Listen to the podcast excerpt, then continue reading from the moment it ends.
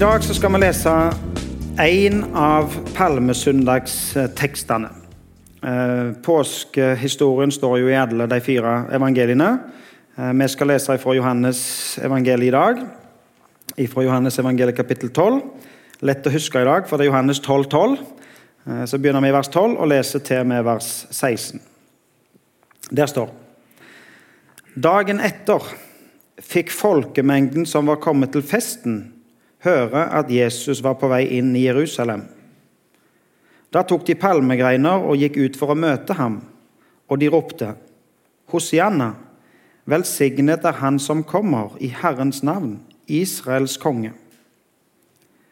Jesus fant et esel og, satte seg opp på det slik det står skrevet. Vær ikke redd, datter Sion. Se, din konge kommer, ridende på en eselfole. Dette skjønte ikke disiplene med det samme. Men da Jesus var blitt herliggjort, husket de at dette sto skrevet om ham, og at folket hadde hilst ham slik. Tenk deg et land, tenk deg en nasjon med hundrevis av år med religiøse tradisjoner. De hadde til og med et religiøst lederskap, ritualer og tradisjoner som gjentok seg år etter år. Og folk kunne sangene. Folket kunne utenat det som skulle sies og det som skulle leses. Kalender med religiøse høgtider. Og når høgtidene kom, og når kalenderen viste forskjellige tider på året, så gjorde folk seg klar, de visste hva som skjedde, de pynta deretter. Og tradisjoner er jo bra. Tradisjoner er bra. Nå vet vi hva som skjer, vi vet hva som kommer. Vi kan det utenat. Vi sier det eh, på hukommelse. Og gjentagelse kan jo være, og er, god eh, læring, god pedagogikk. Men så er det en fare der med gjentagelse, og det er at det, setter seg fast i hodet og ikke nødvendigvis havner i hjertet. Jeg har bodd i et land i noen år der, der, pedagogikken ofte er 'repeat after me'. Og så blir det 'repeat after me'. Gjenta etter meg. Si sånn som jeg sier. Og Så står læreren framme, og så sitter elevene nede og så gjentar de fraser som elevene ikke nødvendigvis vet hva betyr. Og vi har det for så vidt i Norge òg. Jeg, jeg, var i lag med konfirmantene forrige helg. Eh, og ja, Da var vi litt inn på dette her, og så, og så, snakket vi om at nå kommer snart 17. mai. Nå er det snart 17. mai. Og Da skal vi synge alle de sangene som vi kan utenat. Og så synger vi, og så vet vi gjerne ikke helt hva, hva er det egentlig vi synger. Hva betyr det å være furet verbet over vannet? Og hva betyr det om den saganatten som senker drømmer på vår jord? Og så er det sånne setninger som vi gjentar og som vi gjentar, og som vi vet. Vi vet hva som kommer, um, men ikke nødvendigvis budskapet, betydningen i det som skjer. Vi kan ordene, vi kler oss rett, vi oppfyller på med alle forventninger, alle krav til oss den dagen. Um, men, men, men hva betyr det egentlig? I Norge så har vi i vår eh, religiøse kalender så har vi i alle fall to store høgtider. Det er flere høgtider, for all del, men to store høgtider. Jul og påske. Og Jul er nok den som er størst, hvis du tenker sånn kommersielt, og, og, og, og som, ja, hvordan det fyller kalenderen vår og tida vår. Men påske er jo egentlig den som er den mest Eh, hva skal du si, sentrale. Det er vanskelig å sette jul og påske opp imot hverandre, for all del. Men hvis du tenker på den plassen som påsken får i Bibelen, den plassen som påskebudskapet får i Bibelen, um, og, og, hva som er innholdet i påsken, så tror jeg vi må kunne si at påsken er den mest sentrale. Det mest sentrale budskapet. Og Så blir det for all del ingen påske uten jul, altså. Og Nå blir heller ingen jul uten påske, så det henger, henger i lag. Og det er flott. det er kjempeflott i vårt land at vi får lov, og at jul feires på den måten som jul feires, og at det påske feires. At vi får lov å samles, sånn som vi er i dag, og feire påskebudskapet. Vi får påskeferie. Vi har helligdager i, i helligdagene, og få lov å minnes og feire påsken sitt budskap. Og selv om det blir mer og mer hva skal du si eh, kommersielt, kan vi kalle det det, eh, og symbolene gjerne mikses ikke sant? Altså, Vi har både julenisse og julekrybbe. Vi har både påskehare og tårnekrone. Eh, så er det jo flott med, med påskefeiringer. Og påskesymbolene og påskepynten og det som, som, ja, som er pynta med. Og så tror jeg gjerne at symbolikken ofte eh, forsvinner, blir glemt av og til i, i symbolene. Vi tar fram pynten, og så tenker vi gjerne ikke nødvendigvis over hvorfor pynter vi med dette. Hvorfor tar vi fram det? Hvorfor tar vi fram et egg for eksempel, når det er påske? Og Hvis du tenker deg om, så klarer du å forstå at eh, det egget som er tomt, det tomme, hvite egget, vitner om den graven som er tom som det er ingenting i. Så det er klart Vi fyller jo påskeeggene våre, sånn, så mikser vi symbolikken. Og så er jo faren at vi fyller det med vi fyller det med alt annet enn det som egentlig er påsken sitt budskap. For den graven som er tom, skal fortelle om Jesus, som sto opp ifra graven, som gav oss håp om et evig liv. Og så fyller vi på med, med all slags annet i tillegg. Tenk på blomstene, påskeliljene, som, eh, som spirer fram etter en vinter der det ikke var liv. Men nå kommer det nytt liv. Nå spirer det fram. Nå får vi se at livet vokser. Og Jesus har gitt oss livet. Jesus han rei inn i, inn i Jerusalem midt i disse påskeforberedelsene. I dette religiøse folkeslaget. Og Folk var begynt å komme, de skulle feire. De var, de, de, de var, på reise til fest. Og når, når, folk, når, når israelsfolket på den tid reiste til fest, eh, så hadde de til og med sanger som de sang på veien opp til festen. Opp til Jerusalem.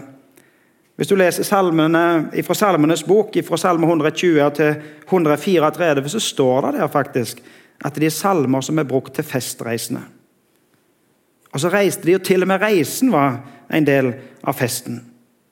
De var utrolig si, forberedt på hva som kom. De var feststemt. Altså, De visste at når noen ropte hipp, hipp, hipp, så skulle de svare hurra. Ikke det at de gjorde det da de sa gjerne andre ord, men, men sånn som vi òg egentlig er forberedt på, på, på, på, at nå er det påske, nå er det fest, eller andre høgtider som vi feirer. Og I denne feststemningen og blant disse folket så fikk de se en mann som rei på et esel. Og hva skjer da? Når, Jesus kommer riende på et esel? Jo, det står om det i Det gamle testamentet. At kongen, kongenes konge, skulle komme riende på et esel. Og folket skjønner, og folket svarer, og så roper de Hosianna. Davids sønn. Kongen kommer. De hyller Jesus som konge. De så et symbol. De så et esel palmegreiner, som vi ser. ikke sant? Forventningene var enorme. For de venta jo faktisk på kongen. De venta på den kongen som var lovt i Det gamle testamentet. Og så har jeg egentlig alltid tenkt at dette forsto de, dette kunne de, dette skjønte de. Men så står det, som du la merke til i den teksten vi leste, men det står i den teksten vi leser i dag, at dette skjønte ikke disiplene. Men da Jesus var blitt herliggjort, husket de at dette sto skrevet om han, og at folket hadde hilst ham slik. Forsto de egentlig hva de var med på? Eller, eller, var de på en måte i en sånn stemning, en sånn feststemning, at når noen begynte, så ropte de andre med? Og når noen fant fram palmegreiner, så fant de òg palmegreiner. Og, når, ja. og, så, og så kan det hende de linka det til det som sto i Det gamle testamentet, men var dette bare et nytt rituale? Eller skjønte de hva som skjedde? Fariserene forsto det i alle fall, står det. Eh, det står I, i Lukasevangeliet, når, når Lukas forteller påskehistorien, så står det at de skjønte hva som skjedde nå. Og så sier de til Jesus eh, du, du, må, du må si det til ta, Tal disiplene dine til rette, står det. De kan jo ikke holde på sånn som dette. Og hva sier Jesus når han får beskjed av fariseerne om, om, om, å få dem til å slutte?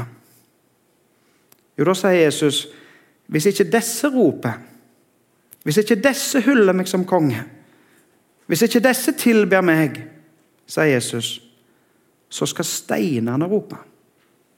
Så skal steinene rope. I 1698 ble det skrevet en sang i Norge som er sunget i alle år etterpå, som mange av oss har hørt, og gjerne ikke til og med kan utenat. Herre Gud, ditt dyre navn og ære. Og i et av versene så står det, eller i, i sangen så står det Gud er Gud, om alle land lå øde. Gud er Gud, om alle mann var døde.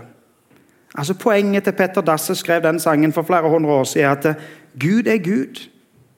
Uansett.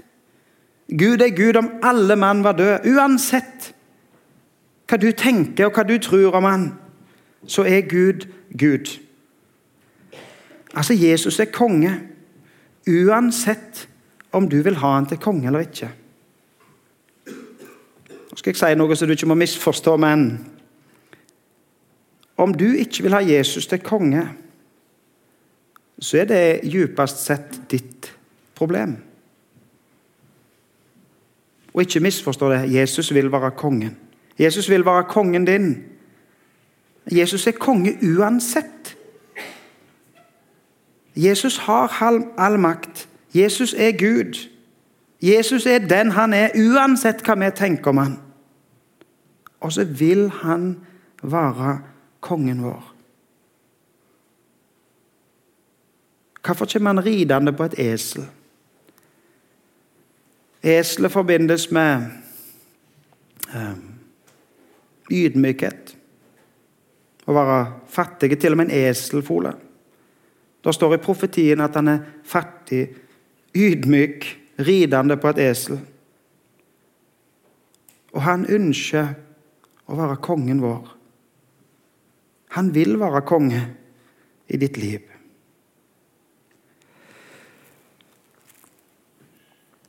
Jeg, eh, jeg eh, hadde en samtale med ei, eh, fra Ukraina her for noen dager siden. Snakket litt om det som skjer i Ukraina. Og det er klart um, hva skal jeg si, det, på, det, påvirker oss, men det påvirker jo dem mye mer enn det påvirker oss. Og så sier hun eh, altså Det hun sa, ble oversatt til engelsk og så til meg, så det er jo klart at dette blir ikke helt ordrett, men hun sa noe sånn som i den retning av at um, det er mektige menn som kjemper om, om landet mitt. Det er mektige menn som kjemper om å få makt i landet mitt, sa hun. Men Jesus er kongen min. Jesus er, er Herre. Og så sa hun han er med meg uansett. Han vil sørge for meg. Han har kontroll. Jeg er sikker på at eh, Jesus sørger for meg. Han som er kongenes konge. Han som har all makt.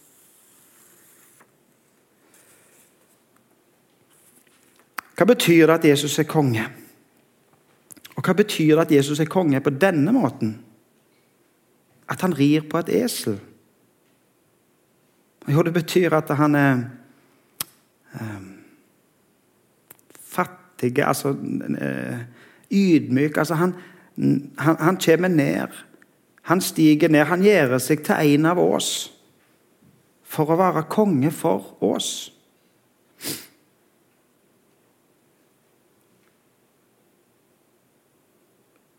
Kong Olav, som var konge før, med, før, før, han som er konge i dag i Norge, han, han eh, Nå kommer ikke jeg på det, altså, men jeg har bare lest, og jeg vet at det ble store overskrifter når kong Olav en dag tok trikken. Og etter, det, etter den dagen eller den dagen da han tok trikken, så var på en måte kong Olav folkekongen. For han gjorde det som alle andre gjorde, som tok trikken. Og så ble kong Olav var kong Olav, vet ikke hvordan jeg skal uttrykke det, men, men en av folket, for han satte seg på trikken. Vet du, Jesus er eh, på en måte en av oss. Jesus han kom ned til oss. Jesus han rei inn eh, på et esel som var symbolikken på, på, på, på ja, ydmykhet, på fattigdom til og med, kanskje. Og så kom han ned til våre liv. Og så gikk han gjennom livet på samme måte som oss, sånn som vi går gjennom livet. Det står om Jesus at han er prøvd i alt. Han er prøvd i alt. Når vi skal trøste folk, når vi, skal, når vi samtaler med folk som gjerne har det vanskelig, og hvis vi skal prøve å gi trøst, så hender det at vi sier 'Jeg forstår hvordan du har det'. Og så blir det ofte bare tomme ord. For det er ikke så godt å forstå alltid hvordan eh, vedkommende har det. Men vet du, Jesus han kan si det, og så er det ikke tomme ord. For Jesus han forstår hvordan du har det. Jesus har gått gjennom det samme som du går gjennom. Jesus har levd et liv, prøvd i alt, gått gjennom det du går gjennom hver dag. Det du opplever av oppturer og nedturer, av gleder, av sorger. Jesus kjenner det. Jesus vet hvordan du har det. Jesus forstår hvordan du har det. Og Jesus han kjenner deg, han gleder seg i lag med deg. Og Han ønsker å være der til og med når du har det vanskelig. Jesus vil være kongen din. Han vil være kongen i livet ditt. Jeg satt og så på fjernsyn eh, sammen med en gutt fra Ukraina igjen. Ukraina, men, eh, men, jeg hadde lyst til å fortelle det òg. Um, jeg skulle stille inn noen kanaler og ordne litt med et fjernsyn. og så, og så ble vi sittende og se litt på fjernsyn. Det var bilder ifra, ifra himlandet hans, bilder ifra det landet som han hadde flykta ifra. Og så kom Zelenskyj på, på, skjermen. Og Så snur han gutten, til, gutten, seg til meg og så sier han, 'The world's best president'. sa han. Når han så presidenten i landet sitt på skjermen, så sa han han, han er verdens beste president. Og så tror jeg de fra Ukraina, og vi skjønner det òg, men de fra Ukraina kjenner at han bryr seg virkelig om folket sitt. Han har på en måte gitt livet sitt i tjeneste for folket sitt i en utrolig vanskelig situasjon. The world's best president. Vet du, du har, du har verdens beste konge. Jesus er verdens beste konge. Hele hans liv alt han har, all hans makt, alt har han gitt for deg. Og påskens budskap handler om at han gikk faktisk veien til korset, til døden, for deg. For å gi livet sitt for deg. Vi sang her eh, Den første sangen vi sang, var det vel 'Hyll deg, frelser og forsoner'. Vi ropte på en måte Hosianna. Vi ropte på en måte de ropene. Hyll deg i sangen. Hyll deg, frelser og forsoner. Jesus som er konge. Og så sang vi Ja, jeg tror på korsets gåte. Ja, jeg tror på korsets gåte. Forsto de hva som skjedde, de som ropte Hosianna, de som kom med palmegreiner? Forstår vi hva som skjer med når vi ser et esel og palmegreiner? Forstår vi egentlig budskapet? Forstår vi egentlig hva det egentlig dreier seg om? Og så sang vi i alle fall. Jeg håper ikke det er bare noe som sitter i hodet, men noe som er hjertet vårt, og som vi kan si av hjertet. For vi sang 'Ja, jeg tror' på korsets gåte. Korsets gåte. Når vi ser et kors når vi denne påsken ser alle påskesymbolene Vi tror på Han som døde på korset. Han som alle symbolene handler om. Han som sier til oss, som hun sang i sangen, vi går til paradis. Kongenes konge, kongen vår, kongen min. Som vil inn i livet mitt, og som vil si til meg vi går til paradis. Han ene som gav oss levereglene, han sa 'si ifra hvor du går'. Du må vite hvor du går, og vite hvor du skal hen. Jesus han vil gå i lag med deg i livet og til paradis. Når Jesus, eh, Det står i Lukas 19, når Lukas forteller påskehistorien, så står det da Jesus kom nærmere og så byen, gråt han over den. Da Jesus kom nærmere og så byen, gråt han over den.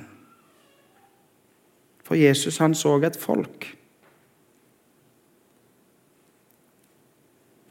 som trengte en frelser. Jesus så et folk som trengte en konge. Ikke en sånn konge som vi vanligvis tenker på, men en konge som, eh, som gir alt. Som gir livet sitt. Og Jesus visste når han rei inn imot Jerusalem, når han ser på Jerusalem, når han ser på folket Jesus visste hva som venta. Jesus visste at folket ikke ville ha han til konge. Jesus visste at det skulle bare gå noen dager, så ropte de 'korsfest han'. Når Jesus så byen, tenkte på alle folket, tenkte på hva han måtte gå gjennom, så gråt han over byen.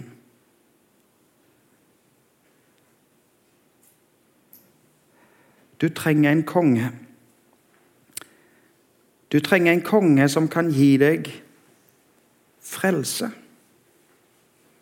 Som kan gi deg um, alt det Jesus kan gi deg. Som kan tilgi synd. Som kan gjøre opp for alt. Som kan seire over døden. Og som kan gi deg evig liv. Så har jeg lyst til å oppfordre deg denne påsken til å tenke gjennom symbolene. Tenk gjennom når du ser påskepynten. Hva betyr det eselet? Hva betyr det at Jesus er konge? Hva betyr det for meg at Jesus er konge? Er det bare noe med å rope 'Hosianna, kongenes konge', eller, eller betyr det noe for deg? Når du ser korset, stopp opp denne påsken og tenk over hva det korset egentlig betyr. Hva det betydde for Jesus, hva han måtte gjøre for å frelse deg. Hva betyr det at Jesus er frelser? Stopp opp litt denne påsken og tenk igjennom. Tenk på symbolene, tenk på betydningen, tenk på hva det betyr. Nå er det palmesøndag i dag. Det høres jo litt løye ut, palmesøndag egentlig. Men vi skjønner jo hva det kommer fra, at, at uh, folket uh, hyller Jesus. Veif, veifta med palmegreiner, la palmegreiner på veien før Jesus. Tok til og med kledene sine la framfor Jesus for å ønske han velkommen inn til Jerusalem. Og så ropte de Hosianna. Hosianna er egentlig en bønn om frelse. En bønn om at Jesus skal komme og frelse dem. Den dagen så ønsket de Jesus velkommen. Og så kan det bety um, det samme for oss. Palmesøndag. Rope Hosianna en bønn om frelse. Og så kan vi invitere Jesus inn i livet vårt. Og Jesus kommer. Jesus kommer til oss symbolikken ridende på et esel. Han som er kongenes konge, han som har all makt. Han kommer til oss som en ydmyk tjener. For han har egentlig mer interesse i å gå veien til korset for deg enn å gå til en eller annen trone. Han er konge. Han sitter på tronen. Men på veien inn i livet ditt så måtte han faktisk gå via korset. Og det var avgjørende betydning at Jesus gikk til korset. Så veien hans inn i ditt liv, den gikk gjennom smerte, tornekrone, lidelse, kors, død For å kunne komme inn til deg. Ta fram, ta fram palmegreinene, ta fram Hosianna-ropene og inviter Jesus inn. Inviter kongenes konge inn denne påsken. Han vil være kongen din. Skal vi be. Kjære Jesus. Takk for at du er konge. Takk for at du Selv om det koster deg alt, takk for at du vil inn i livet vårt. Og Jesus Vi skulle vært så mye flinkere, vi skulle vært så mye bedre, skulle, men du vet hvordan vi er.